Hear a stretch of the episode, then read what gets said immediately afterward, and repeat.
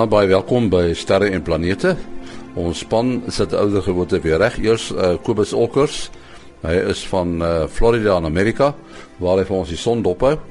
En dan ouer gewoonte professor Mati Hofman en Willie Koorts. Maar eers ruimtenis wat geskryf is deur Herman Turin.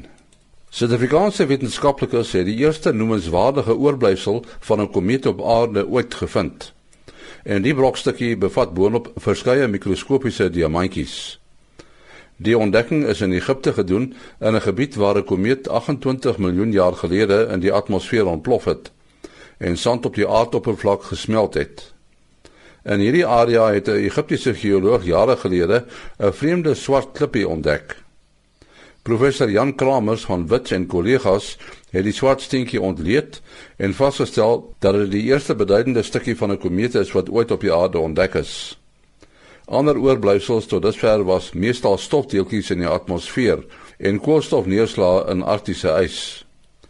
Boere bevat die steentjie mikroskopiese diamantjies. Diamante vorm gewoonlik diep onder die aarde onder hoë druk maar die druk kan ook veroorsaak word deur die skokgolf van 'n komeet wat in die atmosfeer ontplof.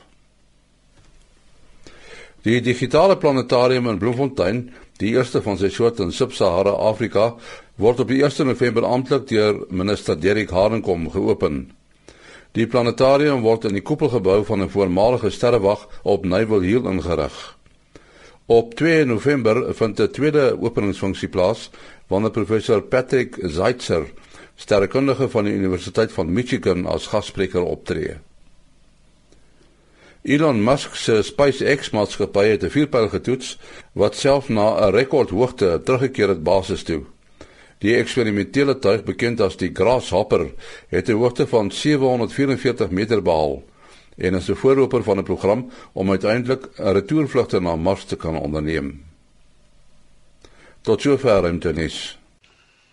Ja, dis nou weer tyd om te praat met Kobus Olkers, ons sonkyker daar in Florida in Amerika. Uh hoe lyk die son deesdae, Kobus? Wel, die mense wat sê die son is op pad na sy minimum toe, ek uh dit is het 'n bietjie moet 'n bietjie op hulle neuse kyk hè nie. Uh goeienaand. Ons uh die son is baie besig op die oomblik. Ons het ons het 'n paar redelike aktiewe areas op die oppervlakte van die son wat nog steeds geo-effektief is. So ons uh, mense moet maar oppas vir vir hulle internet en vir hulle selfone en vir hulle uh navigasie toerustingkies in hulle motors. Ehm um, die goed kan definitief nog beïnvloed word op die oomblik. Daar is 'n paar koronamassa uitbarstings uh wat nou nog op pad is. Uh ons moet die effek daarvan nog tot, met die met die naweek en tot tot so in die middel van van van volgende week in te voel. Ons het ook ehm um, wat ek nou gou loer hierso 1 2 3 4 korona gate waarvan die een ons die een sê effek nou al hier teen donderdag gevoel is. Uh die volgende een is ons hier so teen teen woensdag se koers voel. en dit beteken natuurlik nou weer dat ehm um, mense wat uh magnetometers gebruik soos uh, seismoloë en die, die tipe van mense gaan dit weet en ook natuurlik mense wat kortgolf uh en langafstand verbindings wil pleeg, gaan dit ook voel.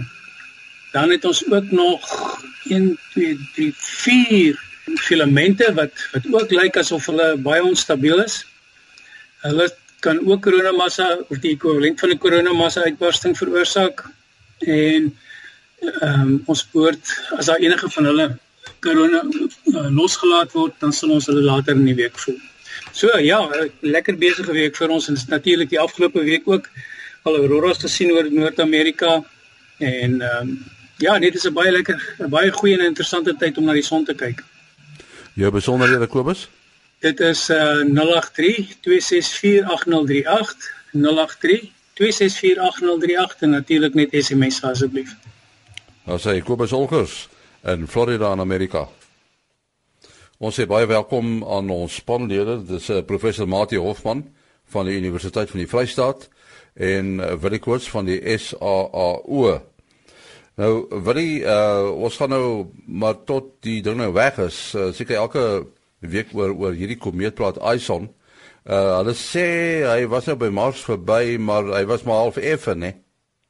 Ja, ja, ek het, het van die fotootjies gesien wat van Mars geneem was. Nou mense moet ook verstaan die kameras is nou nie regtig bedoel om astrofotografie te doen nie. Dit is uh, gewone terreinkameras wat die wat die omgewing rondom uh, die uh uh voertuigies afneem. En in die geval was dit eintlik natuurlik die die die Mars orbiter wat om Mars in 'n wentelbaan is wat wat fotos van die oppervlak neem die beligting is is is heelwat helderder ensovoorts en um maar uh, ons begin nou nogal fotootjies te sien wat deurkom van die komeet. Die komeet was hierso so deur die loop van die week uh nogal lekker naby 'n planeet in 'n helder sterretjie Regulus uh en en was dit uh, Jupiter gewees en nou nogal makliker bakens om om te kry uh om om dan jou fotos te neem so uh, die die verwagting lyk lyk byna nog steeds laat uh die komeet uh, voor die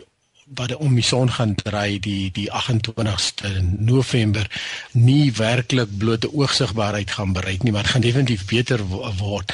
Die komeet self is nou nog redelik dof en dan die uh, kamera van uh, die Ma Mars uh, orbiter het uh, maar redelik gesukkel om om uh, om 'n wonderlike foto te te neem maar uh, onder omstandighede kan jy dan sien daar sit 'n sit 'n kolletjie op die film. So dit is seker amper 'n uh, soortgelyk aan wat uh, komeetjagters uh, soos uh, Charles Messier uh, in sy klein teleskoopie destyds gesien het wat wat eintlik swakker is as ons as ons verkykers deesdae wat natuurlik ook vir ons wys dit is nie die maklikste goed is om waar te neem nie. Ek sien nou wetenskaplikes het het, het dit al reg gekry om 'n uh, 'n weerverslag saam te stel uh wat 'n uh, eksoplaneet betref. So uh, dit dis my nou nogal interessant. Ek weet nie Matie of jy iets daarvan weet nie. Uh nee, ja, so in die afgelope paar jaar en veral die afgelope jare het dinge moontlik geraak wat 'n mens nooit amper gedink het sou moontlik raak nie. Dit was moeilik genoeg uh om die eerste keer te kon eksoplanete te begin ontdek op indirekte maniere. En die rede daarvoor is uh die die eksoplanete wat natuurlik dan nou planete is wat om ander sterre as die son wentel in ander sonnestelsels of sterstelsels dan uh is sy helderheid geweldig dof in vergelyking met die helderheid van die ster waarom hulle wentel en op die afstande wat ons af is is dit vir praktiese doeleindes omtrent teen daai sterre. Maar hy hulle uh, so oor die afgelope 15 jaar deur indirekte metodes 'n hele klomp ehm uh, van hierdie eksoplanete wel as ek meer as 1000 ontdek maar hier so van 2005 as ek reg onthou het hulle die eerste keer reg gekry om in infrarooi lig uh direk die eksoplanete te begin raak sien danksy die Spitzer infrarooi teleskoop wat dan 'n ruimteteleskoop in in die ruimte is en selfs die Hubble ruimteteleskoop. Uh so dit was baie bevredigend dat jy nie net die, die aflei die eksoplanete is daar nie, maar dat jy direk die hittestraling uh waarvan die infrarooi lig dan nou uh tekenend is, uh kan waarneem. En toe te uh, uh, belangrike werk deur die uh, deur die Keck teleskoop en die Hubble teleskoop moontlik geraak deurdat as die van die eksoplanete voor hulle ster in beweeg soos gesien vanaf die aarde dan gaan 'n baie klein persentasie van daardie uh, ster se lig skrams deur die atmosfeer van die eksoplaneet indien hy 'n atmosfeer het en deur te gaan kyk na die verandering in die eienskappe van die lig wat vanaf die ster kom teenoor wanneer die eksoplaneet nie voor die ster is nie en wanneer hy voor die ster is en mense moet nou onthou hy maak maar 'n baie baie klein persentasie van die ster se oppervlak toe maar deur te gaan kyk na die verandering kon hulle agterkom uh, wat se elemente in daardie atmosfeer is Kyk, dis nog nie baie gedoen nie. Dis vir 'n paar sterre gedoen en dit is baie moeilik en jy het van die jy het die grootste teleskoop op aarde daarvoor nodig. En daarmee saam kon hulle dan ook begin om veranderinge in wat hulle sien te kan kontroleer met ander effekte op daai ster, byvoorbeeld uitbarstings wat hulle dan kon optel, 'n verandering in daardie patroon wat die atmosfeer veroorsaak tot gevolg het. Uh so die weerpatroon het natuurlik, jy sien weer as jy 'n verandering in die atmosfeer sien en hulle kan dan inligting oor die atmosfeer kry via hierdie metode wat uh, kyk hoe die lig se eienskappe verander wanneer die planeet 'n klein stukkie van die ster se lig toemaak en basies is dit die gevolg van klein bietjie lig wat deur die atmosfeer van die uh, planeet gaan.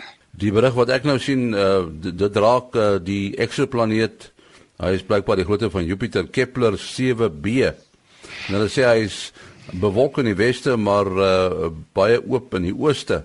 Maar wat baie interessant is, die uh, die gemiddelde temperatuur, die oppervlaktemperatuur van hierdie eksoplaneet is nie minder nie as 6000 grade Celsius. So is 'n bietjie warmer as die Karoo. ja, ja, daai temperatuur kan hulle aflei deur uh dit gaan oor die absorpsie van bepaalde golflengtes lig deur bepaalde elemente in die atmosfeer en hoe uh, hoër die temperatuur is, dan moet jy 'n bietjie verbreding van daai donker lyn as jy na die spektrum van die lig kyk. Jy kan nou maar dink aan die kontinue spektrum wat ons nou sien as ons na die reënboog kyk. Maar as jy dit nou vergroot, dan kan jy donker lyne daarin sien en dit is waarna hulle kyk. Dit is nou interessant dat hulle die verskil tussen die die die die twee hemisfere kan uh kan uh, aandui. Ek neem aan dit uh, moet die gevolg wees as daardie planeet voor die ster inbeweeg. Ehm um, dan gaan nou eers die een die eerste deel van die atmosfeer gaan 'n effek hê totdat die ander deel van die atmosfeer dan nou inkom en dan behoort hulle daardie klein verskil op te tel. Uh, uh ek is nie 100% seker of dit is hoe hulle dit uh, dit uh, die dan kon onderskei tussen die twee hemisfere van die planeet, maar dit wys net watter tipe dinge het nou moontlik geraak. As jy mens na die uh, weste toe kyk, uh, dan sien jy mense natuurlik die skorpioen lê daar. Maar nou moet die mense nie die die die rooi ster Antares verwar met met met Venus nie, nee. Ja, dis korrek. Ehm um, die afgelope week uh was Venus baie mooi binne in die ja, eintlik deur die knypers en en toe uiteindelik verby Antares beweeg. Uh um so vanaand sit die sit hy nou al so eentjie verby uh in die bokant dan dan van Antares is mense dan nou die helderste voorwerp in die weste wat natuurlik Venus die aandster is uh sien en dan is so skuins onder uh, uh effens effens links uh sit Antares die die rooi ster die die hart van die skorpioen soos jy sê. Um ja, Venus is is uh, nou nog besig om om om te uh, om hoër en hoër te klim elke aand. Hierso so by die eerste week van November uh gaan hy op die verste weg van die van die son af wees. Uh Venus is natuurlik besig om agter die son uit te kom en en en sal dan hierso van uh November af uh, begin te terug beweeg tussen ons uh en die son deur uh wat natuurlik dit nog helderder gaan maak uh alhoewel as 'n mens nou deur 'n teleskoop kyk gaan jy uh, alreeds sien Venus is net 'n halfmaantjie en uh en dan gaan die maantjie al hoe kleiner word maar dit kom nader aan ons so so Venus se helder se se maksimum helderheid gaan gaan eers hierso na na uh, einde November se kan bereik. En natuurlik terselfdertyd uh, is die skorpioen uh, die konstellasie soos ons uh, om ons uh, om die son beweeg in 'n jaar uh, beweeg die naghemel uh, natuurlik uh, is gaande weg van van van oos na wes so die die skorpioen is nou ons dominant dominante winterkonstellasie besig om om nou stukkie pad uh vir sy somerslaap kan jy dit seker noem uh, want uh om plek te maak natuurlik vir Orion. Orion sit sit reg oor uh die skorpioen aan die naghemel. As 'n mens dan nou mooi oplet dan soos wat die skorpioen nou hier in die weste verdwyn, uh soos ons die somer inkom, uh so is Orion besig om op te kom in die weste uh wat dan nou die die die dominante somerkonstellasie is. Uh, nee, as ek iets dalk kan byvoeg as uh, omdat Venus nou so baie helder is, op in die glo hy kan nog helderder we, uh, wees nie, maar wat uh, die luisteraars nou kan gaan voorkyk is dan die posisie van Venus relatief tot die horison en dan ook relatief tot die sterre. So relatief tot die sterre skuif Venus elke aand 'n bietjie hoër. Om die waarheid te sê, die sterre in da, in die westelike rigting gaan elke aand 4 minute vroeër onder en maar Venus gaan nou nog relatief tot die horison 'n bietjie opbeweeg omdat hy sy eie interne beweging om die son het. En as ek nou so vinnig hierso kyk dan lyk dit of dit eers hier so rondom die einde van November is wat hy nou gaan omdraai en dan weer nader aan die horison gaan begin beweeg. Maar hy beweeg nou nie meer baie vinnig opwaarts nie maar mens sal dit tog uh, ten opsigte van die horison nie maar relatief tot die sterre kan jy dit nog baie duidelik sien van dag tot dag. Ons het al so 'n bietjie daaroor gepraat, uh die die die heelal wat nou eintlik die Afrikaanse woord vir uh vir universe is heelal beteken eintlik maar die mikro en die makrokosmos. Maar uh ek het nou al dikwels die vraag gevra, ge, gehoor uh tydens die sterreaande uh Matie is waar hou die heelal op? Uh Henny, ja, ons praat as ons van die heelal praat, uh, dan moet ons ons nou ook nie uh, verbeel ons weet nou regtig al alles nie. So dis veiliger om te praat van die waarneembare heelal en die waarneembare heelal uh wat ons in beginsel kan sien en die verse wat ons kan sien is tot daar waar die die mikrogolf agtergrondstraling vandaan kom en dan kan ons so 'n bietjie teoretiseer oor wat 'n bietjie verder gaan maar ons kan nie verder sien nie bloot omdat dit nie deursigtig is nie uh, was in daai stadium van die heelal se geskiedenis nie. Ons kan nie regtig sê wat buite die waarneembare heelal is nie behalwe hy word elke jaar 'n bietjie groter omdat verder en verder afstande se lig het tyd gehad om by ons uit te kom ehm um, dit is moontlik dat die heelal eindig maar onbegrens is. Uh dit sou beteken dat as hy genoeg massa het dat in terme van Einstein se algemene algemene relativiteitsteorie wat ruimte kan buig, dat die ruimte terugbuig op homself. So dit is baie moeilik om te visualiseer want 'n mens moet vir jou driedimensionele ruimte probeer voorstel wat in 'n vierde dimensie buig wat ons nie met ons platkoppe kan doen nie, maar mens kan dit wel wiskundig beskryf. 'n uh, Analogie is wel uh, moontlik as 'n mens nou sou dink aan die oppervlak van 'n bal en uh, die bal bestaan in drie, drie dimensies. Uh, maar as jy net in twee dimensies kon leef, dan sou jy die uh, bal as onbegrensd beleef. Met ander woorde, as jy in 'n sekere rigting sou beweeg, sou jy uh, nooit by 'n grens uitkom nie. Maar hy sou wel eindig wees want jy sou uiteindelik weer uitkom waar jy begin het. Hy buig terug op homself en daai buiging kan jy net in 'n hoër dimensie uh verstaan. Ja, kom agter, jy weet as jy sê maak 'n mens se kop plat, nê. Nee. Dis 'n ja, ongelooflike goeie die, verduideliking daar. Ja, ja. Ja. Maar uh, wat verstommend is is uh, mens moet beïndruk wees met wat die natuurwetenskap sedert die onder die die die moderne begin van die natuurwetenskap so lank as uh, 400 en uh, 5 jaar gelede toe Galileo die eerste mens geword het wat die teleskoop gebruik het om na die sterre te kyk en hy die wetenskaplike metode daar gevestig. So die moderne wetenskap is en, is, en die metodiek daarvan is redelik oud, 'n paar eeue. Maar dan vir al die laaste 100 jaar was daar beide wat die makroheelal betref en die mikroheelal betref verstommende vordering En hoe verder ons gevorder het en dinge in 'n sekere sin kon verstaan, hoe dieper het sekere misteries geword.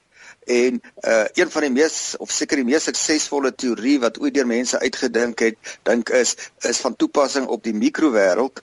Is nou 'n baie moeilike uh, naam, die sogenaamde quantum elektrodinamika. Dit is geweldig suksesvol in terme van wat teorie voorspel wat met eksperiment geweer kan word. Tot uh baie baie beduidende of desimale syfers is die teorie korrek. Uh nie noodwendig altyd so netjies 'n teorie nie, maar hy werk. Maar daardie teorie kan glad nie eintlik geakkommodeer word of selfs praat met die ander baie suksesvolle teorieë en dit is van die makrokosmos nie. So ons het twee baie baie suksesvolle teorieë, maar hulle totaal verskillende strukture en dit sedert Einstein se tyd wat hulle probeer het om hierdie teorieë te versoen het dit die mens nog totaal uh, ontwyk en ons werk nou maar met een teorie in die een domein en met 'n ander teorie in die ander domein, het sy of ons nou in die makro of in die mikrowêreld ons begeef. Uh daar is omstandighede in ek uh in die geskiedenis van die heelal wat albei teorieë gelyktydig relevant was. Uh en dit sou dit is hoekom die mense ook daarin belangstel om daai gebiede van die heelal waar te neem wat dit die geval was, maar ons sien dit nou eers. Want dan kan mens probeer kyk of jy nie leidrade kry oor hoe jy hierdie teorieë nader aan mekaar kan bring nie. Matie is is dit nou amper uh, soos wat ons destyds toe ek op skool was het ons vir verlig of die golfteorie of die deeltjie teorie gehad wat ons nou deesdae soos jy sê met die kwantummeganika het ons nou heeltemal uitgesorteer. Is is dit dit klink my amper 'n soortgelyke 'n soortgelyke scenario soos jy sê. Dit nou beslis dit beslis ja, dit beslis daarmee verband dat die klein entiteite afhangende van hoe jy hulle waarneem gedale partykeer soos uh golwe die geaardheid van 'n golf hy's hy het nie 'n bepaalde plek nie hy's uitgesprei in die ruimte en partykeer gedra hulle hulle soos deeltjies wat weer gelokaliseer is en jy kan nie die twee prentjies regtig gelyktydig bymekaar bring nie. Al wat jy kan sê is afhang dit hang af van watter meting jy doen en wat nog erger is in die makrowêreld is ons oortuig daarvan as ons nou byvoorbeeld na die maan kyk, dan sien ons die maan daar in die ruimte en as ons wegkyk, dan glo ons die maan is steeds daar nie. Hy's dit wat ons sien en waarneem is heeltemal onafhanklik van onsself. Ons waarneming het geen meetbare effek op dit wat ons waarneem nie, maar in die mikrowêreld en dit is die grootste misterie eintlik uh verander dinge die oomblik as jy waarneem. Jy skep amper die resultaat van jou van jou waarneming en uh jy kan dus nie 'n objektiewe wêreld beskryf wat onafhanklik van jou is nie. En dit is die groot ding van die mikroteorie, die kwantumteorie wat Albert Einstein nie regtig kon aanvaar nie. Uh want hy geglo in die objektiewe heelal wat daar is ongeag van wie dit waarneem en wanneer ons dit waarneem, maar die mikrowêreld gedra hom nie so nie. Ja, wil jy wat natuurlik waar is is uh, dit wat ons weet en wat ons sien is uh is die resultaat van die uh die vordering van ons tegnologie, né? Ja, ja, soos Maarten ook nou genoem het, is dit is net ongelooflik dat iets soos 'n eksoplaneet uh, daai waarneming, daai fynmeting uh um, 15 jaar terug onmoontlik of 25 jaar terug onmoontlik was en en nou kan ons al al die weer voorspel. So of die weer so amper waarneem op op so uh, in uh, wat ons altyd moet onthou is dat as jy deur 'n teleskoop kyk uh en en deur jou amateur teleskoop of jy kyk deur uh die instrumente uh, wat man ons teleskope in Sutherland het nou nie noodwendig meer oogstukke nie ons het nou net instrumentasie en kameras aan die onderkant maar selfs met salt as as jy na 'n sterretjie kyk, dit bly net 'n ligpuntjie. Die goed is net oneindig ver of dit voel vir ons in elk geval so. Ons kan dit darm al meet, maar uh, uh, uh jy het regtig net 'n ligpuntjie om mee te werk en en en al hierdie inligting kry jy deur die heiligte ontleed uh, deur instrumentasie. Nou ons weet in in die uh, in die wetenskap en die in die chemie uh, uh, analitiese chemie uh, kry jy uh, ons sien dit baie maal op hierdie CSI programme wat hulle allerhande goed kan bepaal. Nou okay, uh, partymal vat CSI dit bietjie verder en maak dit bietjie makliker, maar uh, tog in wese is dit is dit uh, waar dat jy dan hierdie hierdie onbekende uh, element kan vat en dit brand in 'n vlam en deur 'n spektroskoop stuur en jy kan sien. En dit is presies wat die sterrekundiges doen. Uh, uh deur uh, hulle hulle vlam is net baie ver en en uh, die, die inligting is is op op pad en en dan moet jy dit net daar verder ontleed. Ja, uh, nie die uh, wil jy praat oor van al wat ons van die sterre sien is daai ligpuntjie en dit deur dit te meet kan daar uiteindelik deur die volle arsenaal van die fisika wat nou al uitgerafel is te gebruik ongelooflike detail afleidings gemaak. Een van die mooiste stories vir my is daar die eerste wetenskap wat hulle met ons eie groot teleskoop SALT gedoen het wat hulle 'n bepaalde ligkolletjie se helderheid gemeet het en hulle omdat die teleskoop so groot is, kon hulle die uh die helderheid meet omtrent elke millisekonde. Uh, wil ek kan my daar reg help as ek verkeerd onthou met antwoorde elke duisendste van 'n sekonde. En op grond daarvan kon hulle uitwerk dat daar 'n ster is wat uh twee helder kolle het weens materiaal wat daar inval en daardie kolle is so groot soos Europa ongeveer maar bloot deur die effek van haar helder kol wanneer dit agter 'n ander ster waarom da, die die bepaalde ster gewentel het wanneer daai kol agter hom in verdwyn het dan het die ligkolwe 'n skielike val gemaak binne omtrent enkele millisekondes. Uh wil ek weet nie of jy die die naam van daardie bepaalde voorwerp onthou nie, maar dit was 'n binêre sterstelsel uh met 'n kompakte voorwerp en 'n groter ster waarvan die materiaal oorgetrek word na die kompak kompakte digte ster. Ja, ja, dis reg in in 'n baie hoë magneetveld. Ek onthou magnetisme het ook nog al 'n groot rol gespeel. Ek dink hulle praat van 'n MV magnetic uh um, variable. Ja, en ja, dit was dit was so 100 millisekondes as ek dit reg het, want ek was nou betrokke by die ontwikkeling van die kamera. Maar nogtans ja, soos jy sê, vo voorheen het het hulle vermoed die goed is moontlik en uh dit is um soort van waargeneem, maar dit is dis amper so skielik wanneer jy in die oggend ry en, en skielik gaan die mis verby. Jy weet die mis klaar op en jy en jy kan net duidelik sien omdat jy nou hierdie groot teleskoop met hierdie baie vinnige kamera. Uh die kombinasie van die twee was nog nie voorheen moontlik gewees uh, tot op daai stadium nie en en die persoon wat dit ontwikkel het, Darrow O'Donoghue, Dr. Darrow O'Donoghue, uh um was betrokke by die ontwikkeling van die kamera en dit was ook baie gepas dat hy die eerste observasie in die eerste uh verhandeling geskryf het wat uit Saltyd gekom het en uh juist deur die kombinasie van uh hierdie hierdie vinnige kamera en die, en die baie lig wat jy versamel was dit eintlik 'n soos jy sê 'n taamlike baanbrekers oomblik. Ja, wat sê jy nou, ons praat nou met die ou by die ou wat daai kamera help help bou het, so ek is baie beïndruk. ja, wil jy as jy sê die kamera is vinnig, is eintlik hy's baie sensitief, nê? Nee? Ja, se sensitief ook. Ehm um, maar jou gewone CCD kameras uh uh um as 'n mens nou net dink CCD staan mos nou vir charge coupled device en in Engels en Afrikaans lading gekoppelde toestelle. Ja, vir die meeste mense beteken dit heeltemal niks, maar uh dit is dit is eintlik 'n is wat ons in Engels noem 'n serial device. So as ons dink aan ons aan ons aan ons ons ou tape decks, dan moet jy die moet jy hom forward of jy moet rewind om by 'n spesifieke liedjie uit te kom teenoor 'n plaat of 'n CD wat jy nou net 'n 'n die reg enige liedjie jy lig net die naald op en jy sit hom op die volgende snit. Uh of met 'n CD speler druk jy net die knoppie natuurlik, maar die uh, plaat gee eintlik vir jou 'n meer 'n meer 'n idee van wat jy doen. So jy het dan 'n 'n 'n nou 'n CD is eintlik 'n 'n lineêre toestel. So dit is 'n soort gelynde soort gelyk aan jou aan jou kasetband en jy moet hom dan uh um, fast forward en rewind om die data uit te kry. So die die as jy die, die hele prentjie wil uitlees dan dan moet jy en jy stel net belang in die heel laaste piksel moet jy die hele band speel om by die laaste piksel uit te kom. En uh um so deur 'n bietjie uh 'n bietjie uh, interessante maniere van deur net 'n stukkie van die uh CCD te belig uh en dit dan net vinnig uit te lees en dan die volgende stukkie te belig.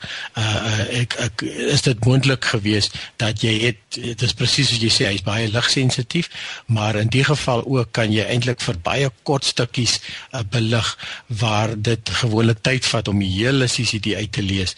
Uh, uh lees jy nou net 'n stukkie op 'n slag en en die sogenaamde slot mode wat wat ook die eerste keer ter wêreld hierso uh in op die kamera in in Salt uh 'n toepassing gekry het. En uh, Dr. Donetjie het juis uh, by een van hulle groot simposiums uh, uh dit gaan mooi verduidelik hoe hoekom ons uh, spesifiek hierdie pad gevat het en ek is nie seker of ander mense al dit nagedoen het nie, maar uh, dit is eintlik 'n baie 'n vindingryke manier om uh, om om om om die kamera nog vinniger uit te lees.